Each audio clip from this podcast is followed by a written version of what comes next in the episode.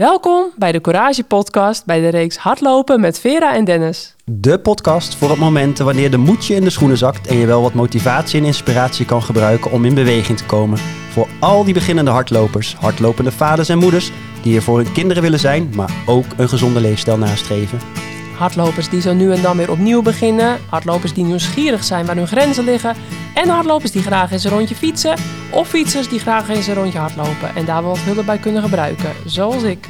Luister dan naar deze podcastserie met voormalig professioneel wielrenster Vera Koedode, die steeds vaker de hardloopschoenen onderbindt en jou meeneemt in haar hardloopreis. Ja, en dat ga ik samen doen met oud-topatleet Dennis Licht, hardloopcoach en mooi weerfietser en die gaat mij helpen met mijn hardloopdoelen.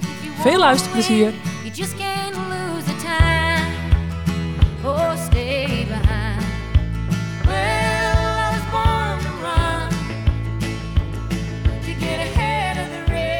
Nou Dennis, daar zitten we dan. Ja, gaaf. De eerste podcast samen, Vera. De aftrap, de kick-off Ja. van eh, onze hardloopreeks, onze nieuwe hardloopreeks van de Courage Podcast. Welkom allemaal, beste luisteraars. En superleuk dat jullie eh, hebben ingetuned op eh, onze nieuwe reeks. Want ja, het is wel een beetje spannend hoe het natuurlijk, hè, hoe het bij de mensen gaat vallen, hoe het gaat lopen. En eh, ja, dus eh, ik ben heel benieuwd. Eh, ik heb er heel veel zin in om te beginnen. En we hebben al zojuist vandaag een hele toffe fotoshoot gedaan met Leon van Bon. Wie kent hem niet? Wie kent hem niet? Uit Apeldoorn. We zitten ook in Apeldoorn, maar ook met oud Apeldoorn en Leon van Bon. Ja, echt een van de beste wielerfotografen, maar ook op het gebied van hardlopen en triathlon. Superleuke shoot gehad. Was heel gezellig, maar ook ik heb al wat eh previews gezien. Ik denk dat er heel veel moois uit gaat komen. Dus eh, hou onze socials in de gaten voor het resultaat. Dat, dus het, het begin is al hartstikke leuk. En, ehm, ja, en dan zitten we natuurlijk in het mooie loop-expertisecentrum In van Apeldoorn. jou. Ja. in Apeldoorn. Ja, welkom eh, Vera. Het is natuurlijk hartstikke Dank je. gaaf dat je mij gevraagd hebt om eh, onderdeel uit te maken van jouw podcast. Hè? Maar we mogen Ja. het samen doen, een hele mooie reeks neerzetten. Ja. Als officiële aftrap van, van een mooie hardloopreis. Ja. En jij hebt me daarbij gevraagd om je te helpen, te ondersteunen. En dat eh, vind ik eh, eervol eigenlijk. Dank je. Ja, nou, en ik vind het heel eervol dat jij dat wil gaan doen. Want ehm, ja, jij traint natuurlijk wel heel veel verschillende niveaus al. Echt eh, toppers maar, train je, maar ook nou ja, mensen met wat minder tijd en met wat minder ambitie. Dus echt wel een hele grote range is eigenlijk, hè? Eigenlijk iedereen. eh, Ja. Van beginner tot eh, ultraloper en alles ertussenin. Ja. Van jong tot oud. Dus van mensen die talentvol zijn inderdaad. En mensen die gewoon eh, dat puur vanuit gezonde leefstijl doen. En ik, geef, ik vind dat eigenlijk allemaal prachtig om te doen. Ik krijg van iedereen evenveel energie. Ik merk ook wel dat eh, veel eh, recreatieve lopers eh, misschien minstens wel net zo fanatiek zijn als ik zelf ooit ben geweest. Dat ik ze echt ook wel af en toe even op de rem moet trappen. Ja. Dan gaat het ook over geduld. Hè? Een van de onderwerpen die we ook heel graag terug willen laten komen in, in deze reeks. Ja. En ehm, ja, dus daar neem ik graag iedereen in mee, de luisteraars van deze podcast. En als ook voor jouzelf als een mooie leerschool. Ja, want als we onszelf nog even moeten voorstellen, voor de mensen die ons niet kennen. Ik heb met jou al wel een hele leuke etappe opgenomen, etappe 11 van de Courage Podcast. Eh, dat ging over jouw hardloopcarrière, want dat is niet de minste carrière eh, met eh 13 Nederlandse titels uit mijn hoofd. Dat klopt. En ook EK, WK deelnames. Ehm, nou, echt wel de specialiteit op de baan en op het, nou, ook wel crossen, maar hè, vooral de grote kampioenschappen op de baan eh, gelopen. Maar ook op de weg hele snelle tijden staan. De acht van Apeldoorn hier om de hoek ook gewonnen. Eh, ja, wat heb je allemaal niet gewonnen of podium gelopen? Eh, top van Nederland, gewoon echt jarenlang, vanaf de junioren al super talentvol, maar dat ook echt jarenlang, ja, ook bij de senioren kunnen doen. En ehm, eh, nou ja, dus ja, voor de mensen die jou beter willen leren kennen, kan ik doorverwijzen naar etappe 11. Maar in een notendop, hè, je bent dat vader, het van, het vader van twee meisjes, ongeveer dezelfde leeftijd als mijn twee jongens. Maar eh, buiten dat, hardloopcoach. Nou, en misschien kun je nog even vertellen wat je allemaal nog meer doet.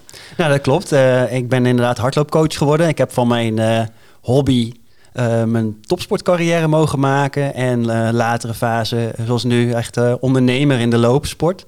Ik heb inderdaad een eigen loopexpertisecentrum. En heel kort samengevat is dat eigenlijk dat we daar mensen van start tot finish kunnen begeleiden. Met inspanningstesten, loopanalyses, training natuurlijk. Het liefst natuurlijk gewoon lekker lopen. Maar ja, hardlopen is meer dan het ene been voor het andere zetten. En Ja. daarbij eh, helpen wij mensen ook graag. Ik doe dat niet meer alleen. Ik werk samen met de bewegingswetenschapper Johan de Jong. Eh, die zullen we ook zeker nog wel een keer uitnodigen in, eh, in deze reeks van, van podcast. En ehm, we hebben mensen die krachttrainingen verzorgen. En natuurlijk vind ik dat zelf ook natuurlijk nog gewoon heel erg leuk om met, eh, zoals ze dat dan zeggen, met de poot in de klei te blijven staan en eh, die mensen gewoon goed te begeleiden. Ja, leuk. Eh, Jip Vastenburg? Ja, Jip Vastenburg is ook inderdaad sinds kort bij ons werkzaam. Ook als hardloopcoach en ehm, dat doet ze geweldig. Ja. Dus erg blij mee. Ook een oud-Olympisch atleet. Eh, daar train ik dus nog wel eens een paar keer eh, mee eh, toen, toen ik nog in Apeldoorn woonde. Eh, en, en Jip ook. Dus, eh, maar ehm, ja, ha- hartstikke mooi natuurlijk wat jullie hier hebben opgezet. Eh, en net heb ik al eventjes een loopanalyse gekregen... waar we het de volgende keer over gaan hebben. Dus eh, er kwam Ja. wel veel nuttige informatie uit. Ja, wat heel belangrijk is, is natuurlijk om jou een beetje te leren kennen. Hè? Ja. Dus niet alleen ehm, jouw ambities naast je moederschap, eh, Ja, het ouderschap moet ik Ja. zeggen, Ja. ehm, eh, dat langs die meetlat te, eh, te leggen. Om dan ook te kijken van wat gaat op een verantwoorde manier. En een van de dingen die wij vaak doen, is niet alleen met mensen kennis maken met een goede bak koffie erbij. Dat vinden wielrenners ook belangrijk natuurlijk. En hardlopers ook. om elkaar een beetje te leren kennen. Nou kennen we elkaar natuurlijk al wel wat langer, maar. Ehm, en, en dat, ehm, ja, daarmee als dat vertrekpunt te nemen, ook een loopanalyse te doen. En ehm, daarmee te kijken van, oké, wat- wie is Vera nou? Hoe beweegt ze nou eigenlijk? Hè, naast dat we weten wat jouw eh, mentale kwaliteit als loper, of, eh, ja, loper, ook als fietser natuurlijk eh, was en is. ja. En dat eh, mee te nemen in, ehm, ja, in, in de hele analyse. En daar moet het, moeten we wel bij zeggen, om al een klein beetje wat te verklappen. Niemand beweegt hetzelfde en dat moet ook niet. Eh, we kijken naar wat jouw kwaliteiten zijn en waar je nog aan zou kunnen werken. Ja. Nou, en daar hebben we eigenlijk al wel een mooie sneak preview van gekregen. En dat zullen we ook de volgende keer gaan bespreken. Ja, ja. ja, ik vond het heel interessant. En ehm, we hebben het alleen gedaan met een langzaam tempo. Maar ik ben ook heel benieuwd hè, de volgende keer als ik hier een keer ben... om het met snel tempo te analyseren. Want eh, ja, ik, eh, ik vind het echt eh, interessant om ehm, ja, ook te kijken hoe meet je dan. Hè? Dus en ook voor mezelf, maar ook ja, hoe wordt het allemaal gemeten. En, ik vind het altijd... ja, mooi om, om die technieken te zien. Dat is natuurlijk eh, in de laatste jaren... Ik weet niet eh, of jullie dit twintig jaar geleden al hadden, zoiets. Maar Nou, dan was je vooral ook eh, een beetje natuurlijk afhankelijk van wat de coach wist. ja, En dan ging dat met een videocamera of met Ja. een fotocamera en dan 30 frames per seconde fotograferen. En nu kun je het in een cloud zeg maar opslaan en de beelden keer op keer bekijken. En bij ons is het dan zo, wij werken met Motion Matrix, waarmee we ook binnen twee minuten al wat beelden kunnen verzamelen op verschillende snelheden ook inderdaad kunnen testen. ja. En ehm, daarmee eigenlijk ook veel sneller ehm, ehm, overgaan over, op, op het advies. Hè? Dus we, we krijgen een, eh, heel veel data verzamelen. Er zijn heel veel individuele parameters waar je natuurlijk naar kijkt. Hè? Dat is wat ik al zeg, het is heel erg individueel. Er is wel een perfect plaatje wat je probeert na te streven, maar dat is dan ook jouw plaatje. Hoe Ja. pas jij daar dan in? En dat leg je dan, wat ik al eerder zei, eh, langs de meetlat van jouw persoonlijke ambities. Ja. Wat wil je als loper? Hè? Ja. En, eh, nou, dat heb je natuurlijk al wel een beetje gedeeld. Dus, ja, eh, ja, ja. Ja, nou goed, als we het met de mensen gaan delen. Ik ehm, probeer eigenlijk zo fit mogelijk het ouderschap te, te doen. Dus je weet het zelf, hè? onze kinderen, mijn twee jongens en jouw twee meisjes zijn ongeveer even oud. Het, ja, er gaat gewoon heel veel tijd in zitten natuurlijk in het, nou ja, als je goed wil opvoeden. En ja, dan zijn de kinderen vaak prioriteit. Eh, en dan, ehm, ja, weet je, uren fietsen, hè, dat was ik natuurlijk altijd gewend. Maar ja, dat is gewoon nu niet meer eh, realistisch om dat te doen.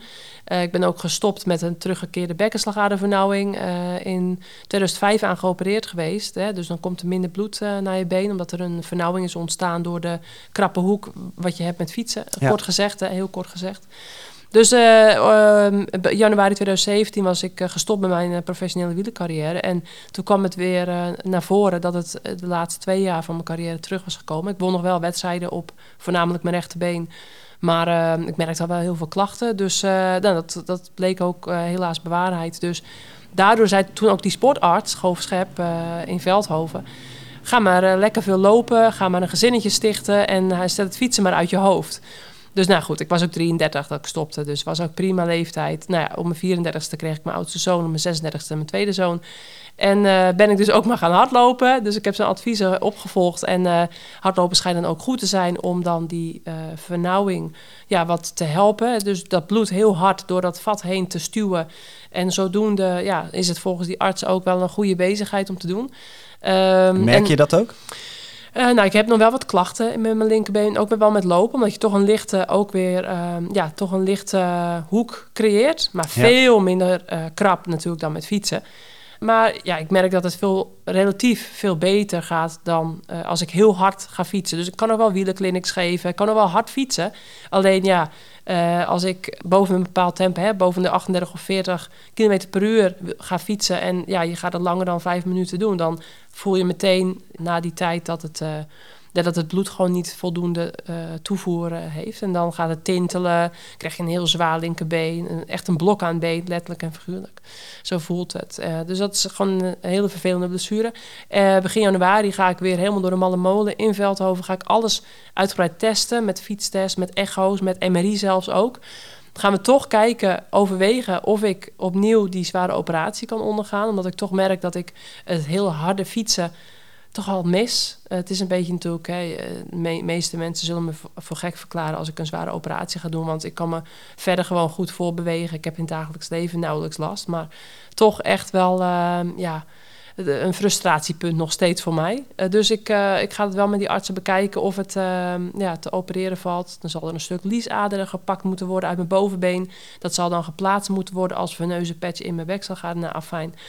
Ja, dat, dat wordt vervolgd. Dus ehm, eh, als het echt te, ja, als het te veel risico's aankleven, ja, dan zal ik het niet doen. Hè. Je hebt ook verantwoordelijkheid als, eh, als moeder, als ouder. Dus ehm, ja, ik ben wel benieuwd wat er uit die onderzoeken gaat komen. En het zal sowieso ook helpen voor het hardlopen natuurlijk... als het bloed beter door mijn linkerbeen gaat stromen. Dat sowieso. Maar ik heb veel minder last dan, eh, ja, als ik, dan als ik heel hard ga fietsen. Ik fiets ook met een wat hoger stuur. Dus het is eh, een blessure die bij 1 op de 5 wielrenners voorkomt, zo'n beetje. Wielrensters ook, eh Annemiek van Vleuten, We Laurens zien het ook wel bij hardlopers Ja, terugkomen natuurlijk ook. Onder andere Ja. in het verleden Vivian Ruiters onder Ja. andere. En ik heb nog wel wat andere atleten gehoord die het hebben gehad. Ja. En, ehm, maar goed, eh, vind je dat een belemmering voor het lopen nu? Hè? De ambities die je hebt. Kun je daar wat meer over vertellen? Ja, nou ja, ik... eh, ik Want waarom heb je mij benaderd? ja, precies. Ja, nou ja, ik, ik was eerst... eh, eh, nou, ik was gestopt met wielrennen in eh, januari 2017. Toen ging ik weer trailsrun doen, eh, trailruns eh, op de Veluwe, want daar woon ik toen nog in Apeldoorn. En dat vond ik super leuk om te doen, door die bossen rennen. En dan op regionaal niveau, hè, eh, regionaal kom ik best wel lekker mee. En dan won ik af en toe zo'n wedstrijdje. Dan won je een waterkoker of je won een eh, cadeaubon of wat dan ook. Hè. Het was gewoon lekker kneuterig natuurlijk. Maar ja, dan deden er honderd, honderd vrouwen mee. En dan, als je dan eh, op het podium eindigt of zo... Nou, vond ik gewoon echt leuk, eh, leuke bezigheid om af te bouwen.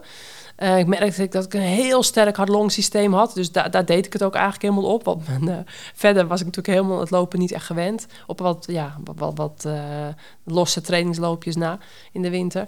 Eh, vervolgens verhuisd naar Grotebroek. Toen eigenlijk eh, nou, eh, na mijn, tijdens mijn zwangerschap nog 21 weken gelopen. Maar vervolgens dan krijg je de baby en lang borstvoeding. En toen werd het me toch echt afgeraden om weer te gaan hardlopen. Op een gegeven moment weer begonnen. Was ik weer nou, toch wel een jaartje lekker aan het hardlopen. Was ik weer fit.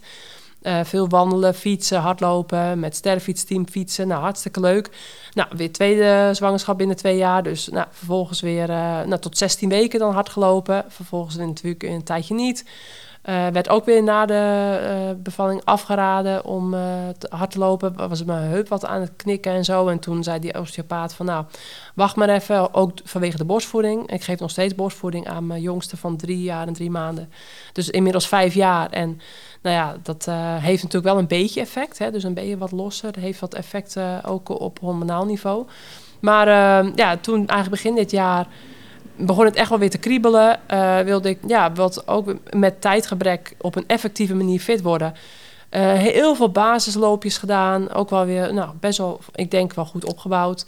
En eh, ja, dat, dat, dat smaakte eigenlijk steeds naar meer. En toen was ik eigenlijk op een gegeven moment na heel wat maanden...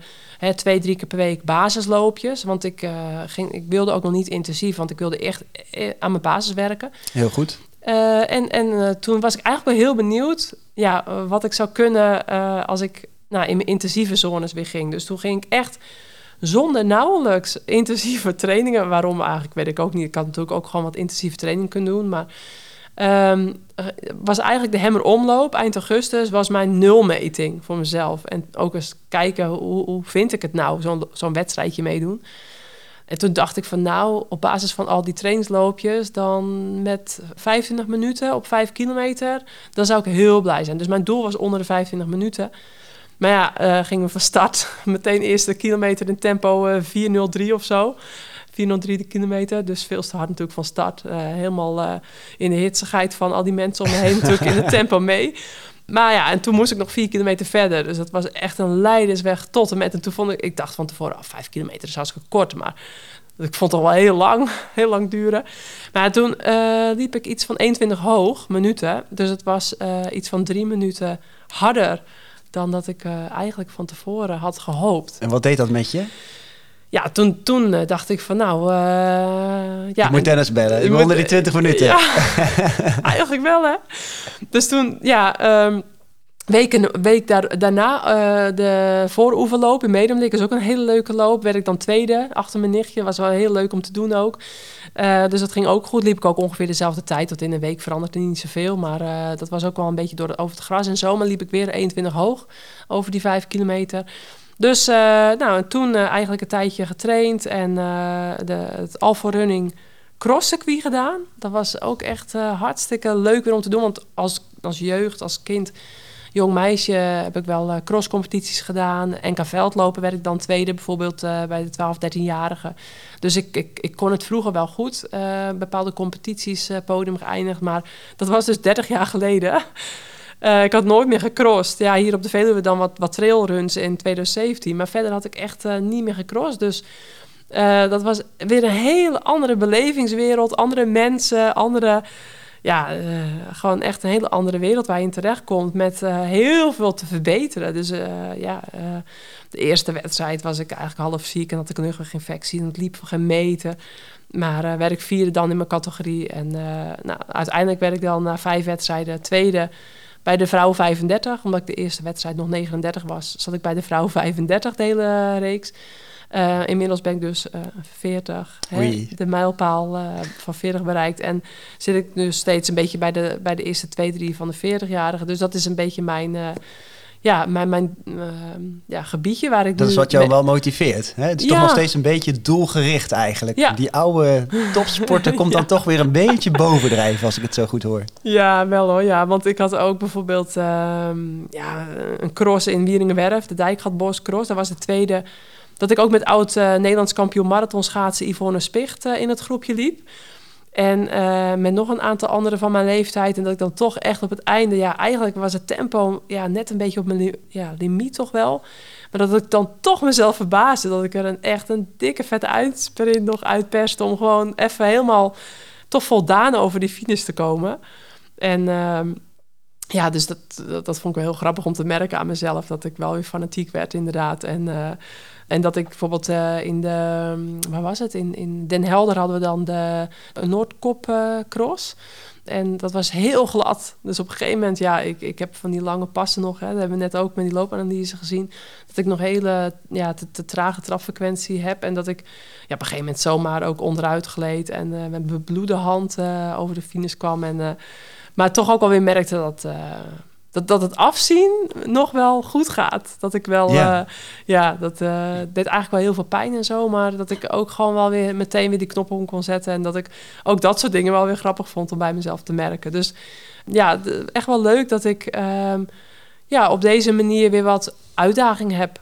En ehm, ja, na, na toch wel ja, inmiddels eh, ja, vijf jaar en drie jaar ehm, ja, moederschap met mijn twee jongens, dat ik merk dat ik ook wel weer wat uitdaging nodig heb en zoek. En dat is dan hierin. Ja. En leuk vind om mezelf te verbeteren. Maar ik moet wel waken hè, dat het niet, zoals met het wielrennen, dan zat ik vier, vijf, zes uur op een fiets. En was ik fulltime profsporter, werd ik ervoor betaald. eh fiets ik op het hoogste niveau. En zat ik standaard altijd top 5 Nederland. En ook eh, ja, in, in de wijklassiekers echt op wereldniveau. En dat, dat is nu niet. Dus dat, dat is wel echt. Dat, dat die, die illusie heb ik ook echt niet. Dus ik vind het leuk om op regionaal niveau goed mee te kunnen komen. Om daar ook, want ik vind het hardloopniveau vind ik persoonlijk echt heel hoog. Ik, eh, ik verbaas me echt als ik eh, ja, dan bij zo'n loopje kom, hoe hard er toch gewoon echt gelopen wordt. Maar ehm, ja, ik vind het ook gewoon, ehm, ja, voor mezelf heb ik bepaalde persoonlijke doelen. En dat is eigenlijk ehm, ja, wat we nu proberen te verbeteren, te behalen. Bepaalde tijden lopen. En met lopen is het zo meetbaar. Dus Ja. dat is ook wel heel... eh, De klok ja. ligt niet, hè? Nee, de klok liegt nooit. En, Nee. eh, dus dat is... eh, ja, maar goed, ik moet wel echt waken. Um, note to myself van niet te fanatiek worden. Hè. Het gezinsleven staat nog steeds op één. Nee, dat Mijn is- werkzaamheden daarnaast. Absoluut het belangrijkste. Eh, we zijn natuurlijk allebei ondernemers. En dat betekent dus dat je soms ook eh, het moeilijk vindt om nee te zeggen op dingen. En Ja. juist dat is een van de grootste uitdagingen. Ja, Om eh, niet alle klussen maar aan te nemen en eh, geduld te bewaren ja. in deze. En ehm, ik denk dat, dat, dat het allermoeilijkste is. En dat je ook niet altijd met de tong op de schoenen thuis hoeft te komen. En dat vond ik wel leuk. Ik heb natuurlijk nu net een beetje een jaarplan van je gekregen. en je hebt allemaal alweer wedstrijden gepland staan. En Ja. Ja, ik, ik, ik, ik confronteer je er even mee hoor. Maar dan Ja. zie je toch een beetje de, de, de fietser terug, zeg maar. Die, die heeft een wedstrijd nodig om in vorm te komen. ja. Dus ik moet even een koers doen, even dat tempo hardheid. En op zich is dat natuurlijk ook een trainingsprikkel. Hè? Dus het heeft ook wel weer iets. ja. En het feit dat je zo gemotiveerd bent om die wedstrijden te doen... dat betekent dus volgens mij ook dat je het hartstikke leuk vindt. Het, het sfeertje, het, de, de, de wedstrijdspanning. En dat is weer die atleet die jij vroeger was. ja. En dat herken ik mezelf ook wel in. Dat, er komen toch bepaalde oerkrachten in je, in je vrij. En dat is ja, ook wel weer heel mooi, want dat heb je nodig ja. om te kunnen excelleren als je dat belangrijk vindt. Om een grens te kunnen verleggen. Maar goed, ehm, ja, eigenlijk als loper probeer je ietsjes meer periodisering in aan te brengen. En dat ken je ook wel. Je kan vaak als je op trainingskamp ging of, eh, of een eh, langdurige periode gewoon heel veel trainingsuren hebt gemaakt, kwam je er vaak verrassend genoeg al meteen in de eerste wedstrijden er best wel goed uit. En ik denk dat dat ook heel belangrijk is. Dat je niet altijd, en dat is een van de quotes die ik vaak gebruik, moet niet altijd de worteltjes uit de grond trekken om te kijken of ze zijn gegroeid. En dat je ehm, voor het proces een beetje geduld moet bewaren. En Ja. eh, ik denk dat dat heel erg belangrijk is. Nu je de stoute hardloopschoenen eh, hebt aangetrokken. Ja. En wat vaker de fiets wat links laat eh, liggen. Nou ja, Ja. goed. Ook heel belangrijk, hè? Cross-training. Ehm, dus het combineren van sporten. Ehm, Ik bedoel, jij haalt je energie ook uit, eh, uit het fietsen. ja. Voor mij is dat altijd een beetje van als ik moest fietsen, was ik geblesseerd. Dus ik zie daar ook niet altijd de motivatie in. Behalve, eh, daarom doe ik mezelf ook mooi weer fietsen. ja. Om eh, een rondje postbank hier in de regio te doen. Dat geeft mij dan natuurlijk wel weer eh, ja, veel energie. Maar dan ben ik toch echt wel lekker in de zomer aan het fietsen. En dan stop ik ook het liefst. Dat vinden mijn vrienden nooit leuk. Maar eh, voor een cappuccino en een appeltaartje onderweg op, eh, eh, nou ja, goed, op Ja. de- op de postbank, weet je wel. Ja. op bekende plekjes. Die kent iedereen wel. Ja, zeker. Ja. ja. ja. Ja, nee, wat je zegt, ja, dat is zeker waar. En ik- wat ik ook al heb gemerkt nu, hè, want, we, want eigenlijk, ik, ik heb bepaalde doelen. En we, we hebben ook weer een nieuw jaar wat, eh, wat nu eh, voor de deur staat. Ehm, als deze podcast ook uitkomt. Hè, we zitten nu zo ja, even ruim half over december. En dan ehm, eind december dan, eh, gaan we deze show online zetten. Dus dan is het echt, ja, natuurlijk voor heel veel mensen weer toch wel weer een, een nieuwe start. Voor onszelf natuurlijk ook, want je gaat altijd even terugblikken, vooruitkijken. Ja, en dan heb ik bepaalde doelen. Maar ik merkte ook al dat... eh, want ik, ik reflecteer alles naar die 18-jarige wielercarrière die ik heb gehad. Ja. Dus heel veel dingen. Dat, net als dat jij net zegt met dat wedstrijdschema, hè, met mijn jaarplanning. Ik was ook wel echt een wedstrijddier als wielrenster. Dus dat, ehm, dat, dat, dat trek ik dan automatisch een beetje door, denk ik. Is ook oké. het is ook een Ja. soort, eh, als het voor jou een uitje is, Ja, dan is dat heel goed. Ik ken natuurlijk ook mensen die het heel spannend vinden, die ik begeleid Oh, en ja. dan daarmee bezig ben. ja, En die dan het liefst gewoon lekker gaan trainen. Terwijl, terwijl ik eigenlijk al stiekem wel iemand zo'n zetje in de rug eh, geef van... Probeer nou eens te kijken wat die trainingen hebben op, opgeleverd. En dan begin dan vaak kleine wedstrijden... voordat je meteen aan een heel groot hardloopevenement eh, begint... waarmee je ook weer veel meer spanning ervaart. Zo van, "Eh, nu moet ik het, want het is Ja. een eh, metrische afstand die ik afleg. Een 10 kilometer of een halve marathon of een 5000 meter op de baan of wat dan ook. Nou, dit- dus het is heel belangrijk, zeg maar, dat je het ook wel steeds als een plezier iets eh, ziet. En Ja. ehm, dat moet altijd centraal staan. ja, ja. Het maar, plezier en de passie die, daar, die Ja. je daarmee ontwikkelt. En dan kun je het ook lang volhouden. Ik geloof ook dat hardlopen, ook al is het een van de meest belastende vormen die je kunt beoefenen, eh, lang kunt volhouden. Hè? Dat, dat kan gewoon. Ja, Ehm, maar dan moet je het wel op een verantwoorde manier doen. En eh, jij hebt je issues, hè? dus Ja. met, die, eh, met die slagader eh, in je, in je, in je Ja. bekken, in, je, in je linkerbeen.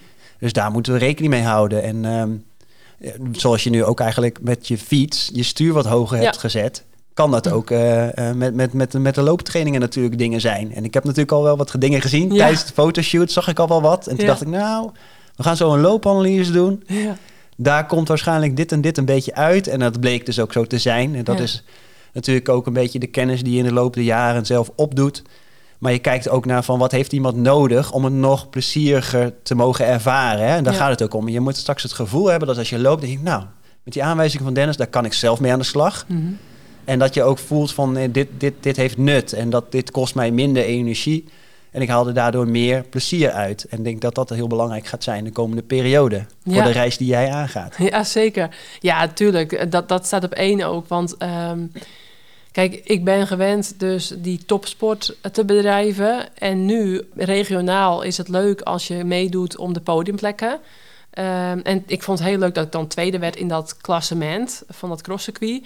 Maar ja, je blijft gewoon... Ik noem mezelf echt gewoon nog steeds een huistuin-keukenlopertje... die eh, ja, echt, echt wat aanmoddert, zeg maar. En het niveau van lopen is, ja, vind ik, zo hoog in Nederland. En als je al regionaal kijkt... Ik bedoel, ehm, ik, ben, ik, ben, ik ben fit... Maar dan lopen er ook gewoon echt meiden rond. eh, die zijn ook wel jonger dan ik en zo. Maar dan vind ik het gewoon zo bewonderenswaardig. Hè? Dat, hoe, hoe hard die dan lopen. En hoe, hoe hard ook mensen kunnen lopen. Ja, dat vind ik gewoon...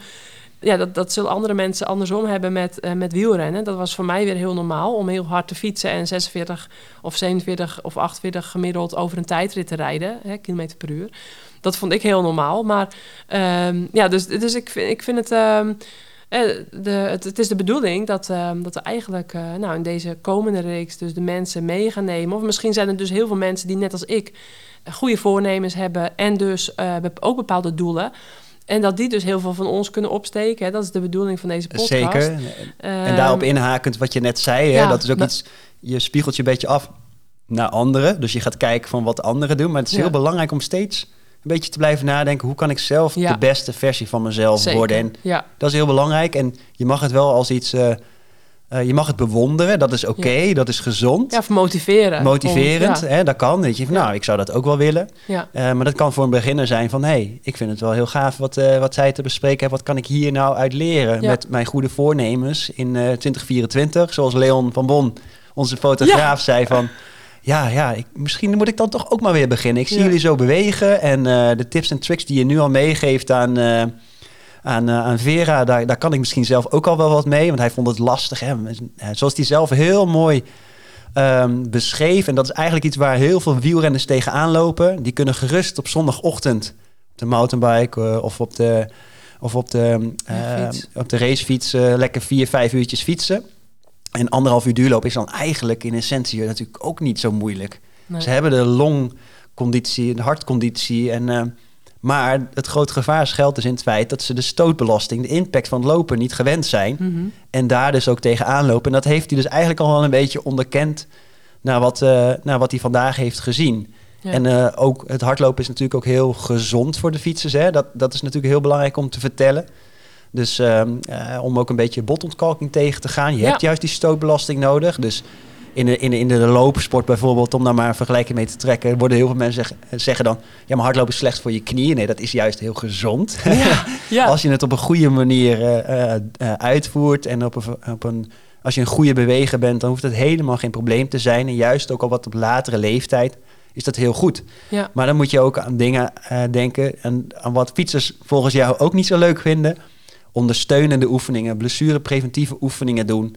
En ehm, ja, dus dan kan een fietser ook best het lopen erbij pakken. En ik denk dat dat ook een hele goede match kan zijn. Zoals dat het voor een hardloper die op een gegeven moment een beperking heeft in het aantal kilometers. We hebben het over de echte topsporters. Hè? ja. Ehm, eh, die kunnen niet te veel uren maken, want dan wordt het te belastend. Ja. En dan kun je niet tegenaan eten. ehm, eh, maar dan, dan die, die, die, ja, die moeten er dan ook een stukje bij gaan fietsen of op een elliptical bike eh, gaan staan. Ja. Om toch nog weer wat meer trainingsuren te maken. Ik zeg wel eens, denk als een triatleet. En, dat, Ja. en een triatleet kan, eh, kan ook eh, goed hardlopen. Hè? Dus, Ja. En dat zal in jouw situatie ook zijn. Dat als het weer wat beter weer wordt, de dagen worden weer wat langer. Ja, pak inderdaad die fiets erbij. Op een verantwoorde manier. En zie dat als ondersteuning aan, aan het lopen. Maar goed, je hebt natuurlijk ook een gezinssituatie. Als jij drie uurtjes weg bent, Ja. eh, lopen is dan misschien wat praktischer. Dus daar kijk je dan ook natuurlijk naar. Ja, precies. Ja. Nee, maar er zijn steeds meer eh, topwielrenners ook die hardlopen. Eh Demi Vollering bijvoorbeeld, die het heel vaak doet. Ook in Zwitserland waar ze dan woont. Ja, echt ook veel profrenners. Want er was laatst een interessant eh, onderzoek uit, eh, uitgekomen. Ook eh, volgens mij, meen ik, Radboud in Nijmegen had het onderzoek gedaan. Ik was er ook nog voor gevraagd.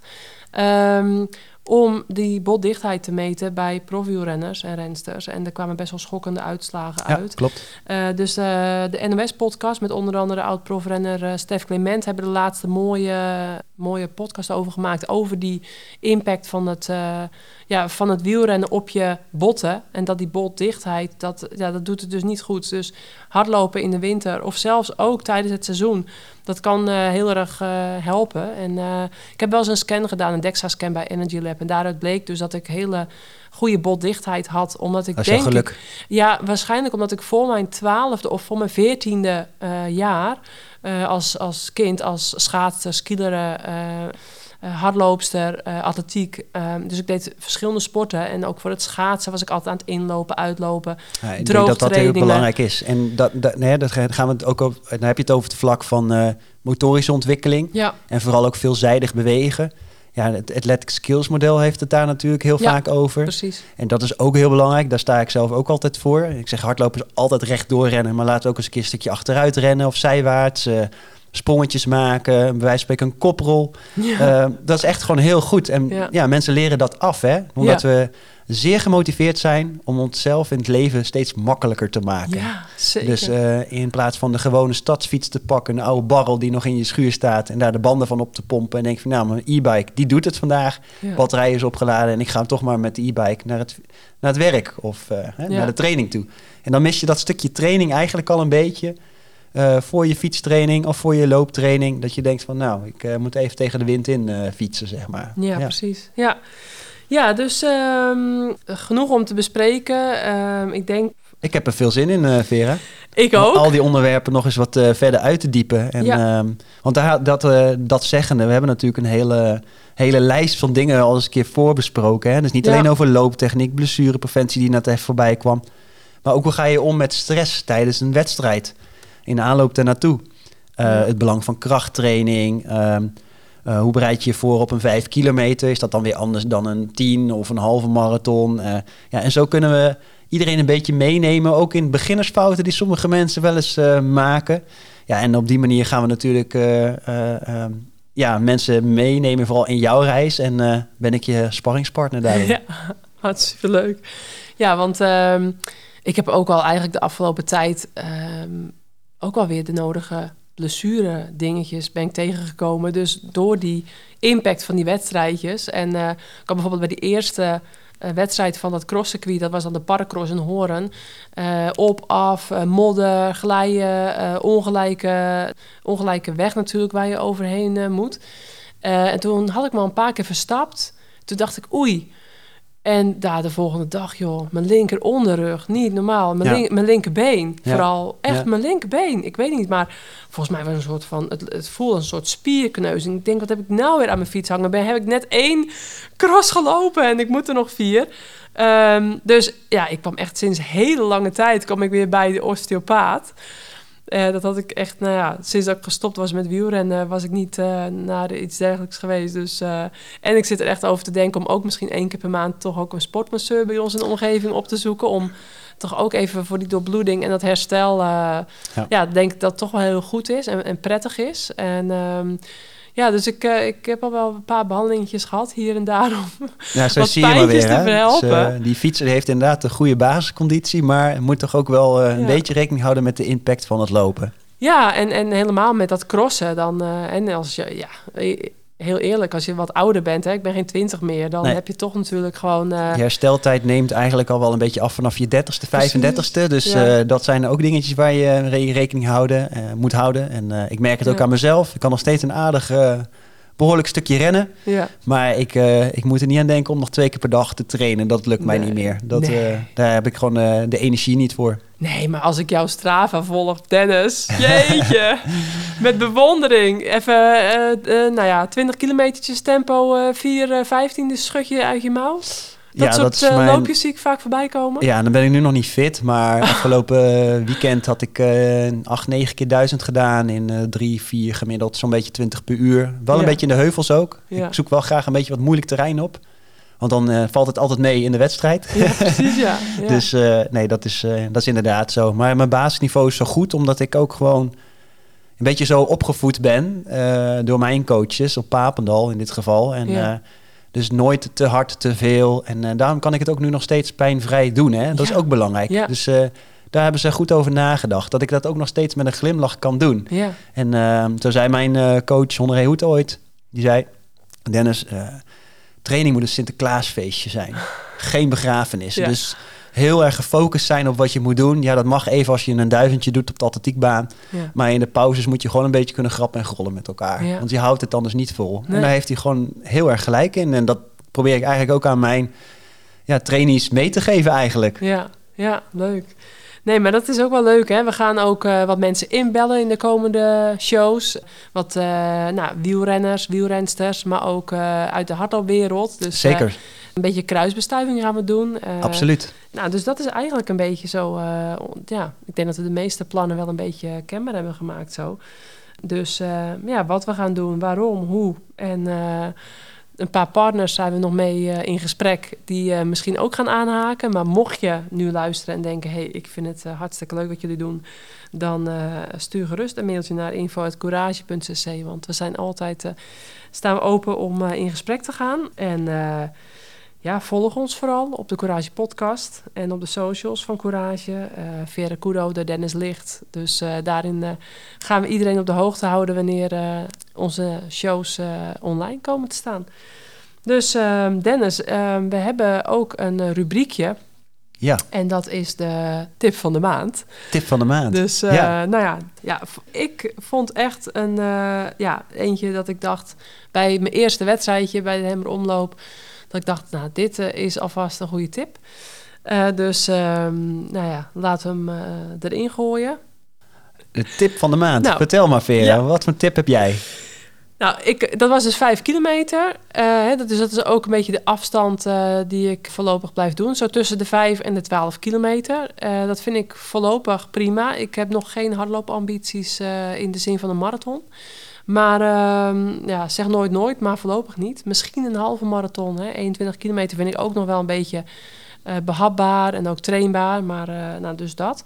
Maar goed, dus dat die vijf kilometer. Maar in een hardloopwedstrijdje, dan loop je eigenlijk bijna altijd, heb ik on- ondertussen ondervonden, korter. En ook de GPS, hè, in mijn geval van mijn Garmin, die, ik weet niet hoe dat met GPS werkt, maar eh, ook in een bos heb je nooit Ja. echt hele goede GPS. Dus soms dan, volgens mij valt die ook even uit of zo, of met minder goede Kan verbinding. zeker zijn. Ja. Ja, dus dat heb ik ook al wel gemerkt. Maar je loopt eigenlijk altijd korter dan, dan, de, dan dat de organisatie eh, zo'n loopje eh, uitmeet. Dus volgens mij doen die de, het midden van de weg.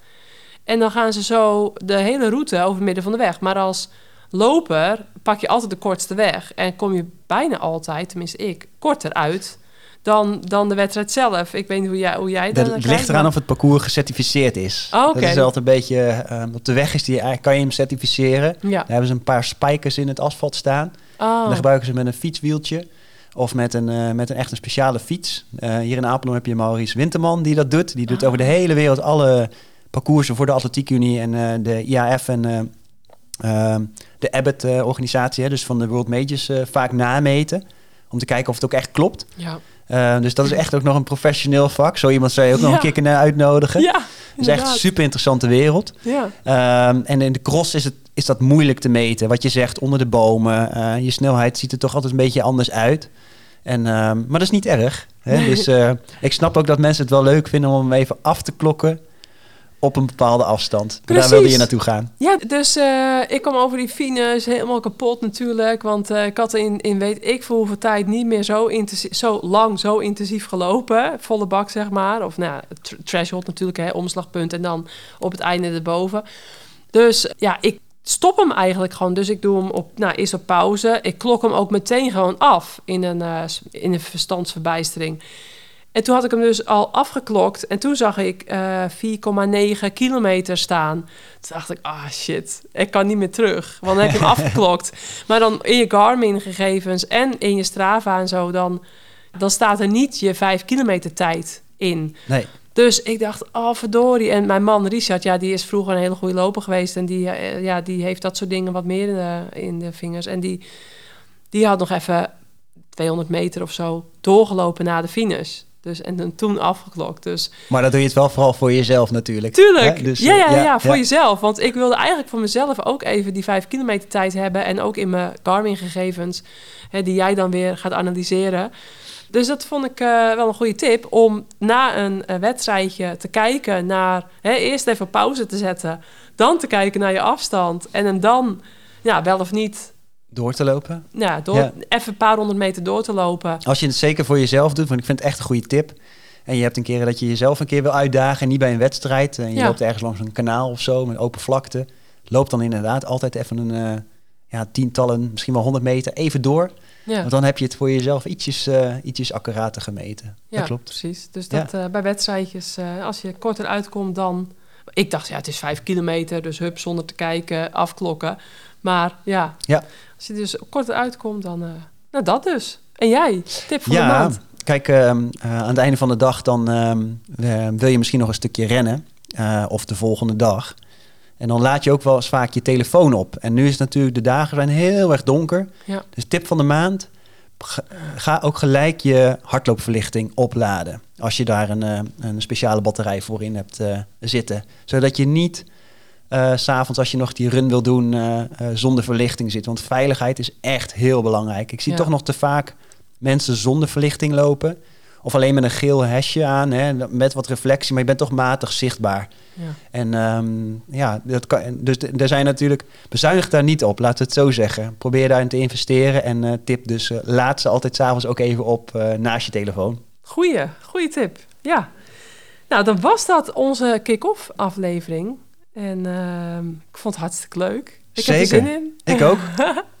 Op naar de 8 van Apeldoorn. Dat is eh, 4 fre- februari. En eh, mijn man loopt dan de dag voor de Mint-Winter Marathon. Dan gaan we misschien hier een weekendje zitten. En dan eh, gaan we eh, meteen eh, show nummer 2 opnemen van eh, Hardlopen met Vera en Dennis. En dan gaan we eh, ook de andere wedstrijdjes weer even bespreken. Ik ben heel benieuwd wat ik daar allemaal ben tegengekomen. En, eh, en hoe ook de 8 van Apeldoorn is gegaan. Ga je ook lopen trouwens? Eh, in principe Zelf? wel. Ik weet alleen nog niet welke afstand. Dus eh, dat heeft ook een beetje te maken met eh eh, haaswerk wat ik in Rotterdam ga doen. ja, Dus mijn planning ligt nog niet helemaal vast. En eh, aangezien ik nog steeds genodigd atleet ben, kan ik relatief laat inschrijven. ja. Ehm, dus ik ben daar nog een beetje in zoekende. Vorig jaar heb ik de acht gedaan.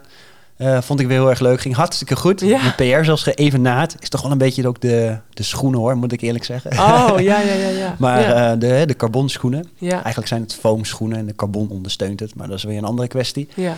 Ehm, dus ja, maar ik, wat ik ook doe, ik doe mee. Ja. Ja, dus natuurlijk Leuk. het evenement van Apeldoorn. En eh, dat vind ik gewoon fantastisch. Ik heb natuurlijk daar ook echt, denk ik wel meer dan 100 klanten daar aan de start, start staan. En eh, daar ben je er dus één van. En dat Ja. is wel eh, eh, ja, het moment voor veel beginners ook om de Ja. acht eh, kilometer te lopen.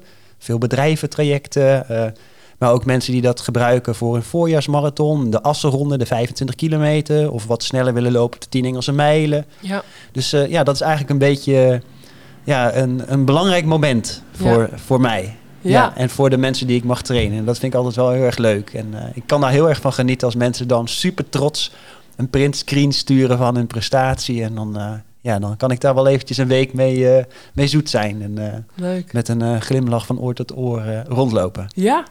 Nou, ik ben heel benieuwd, want ik heb dan in, uit mijn hoofd in 2014 dat ik nog wielrenster was, deed ik op een blauwe, nou ja, op een blauwe zondag mee. Ehm, en in 2017 uit mijn hoofd heb ik, ik heb hem twee keer gelopen. Volgens mij zat ik ronde 37 of 38 minuten. Dus die tijd hoop ik natuurlijk te verbeteren. En Ja, ja, ik denk dat ik rond plek... Ik zat één keer, de eerste keer denk ik rond plek 40 of zo. Of rond plek 30 in de uitslag bij de vrouwen senioren.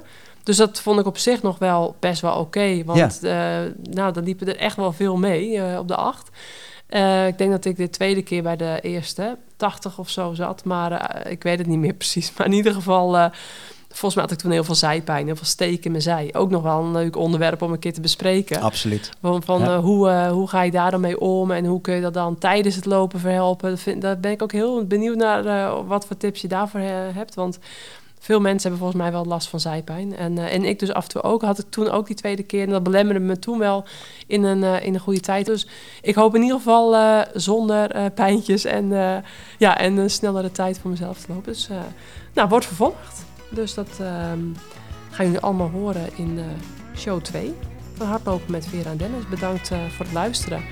En eh, Dennis, jij hartstikke bedankt Graag gedaan. vandaag. Was een leuke dag en ik ben benieuwd naar de foto's. Tot de volgende. Tot de volgende. Ja, en natuurlijk allemaal een heel gelukkig en gezond en sportief 2024. Want eh, dat hoort nog wel even bij deze show, eh, zo rond jaarwisseling. Dus allemaal eh, heel veel hardloop en fiets en sportplezier. En we hopen natuurlijk dat jullie met veel plezier gaan luisteren naar onze, naar onze podcastshows.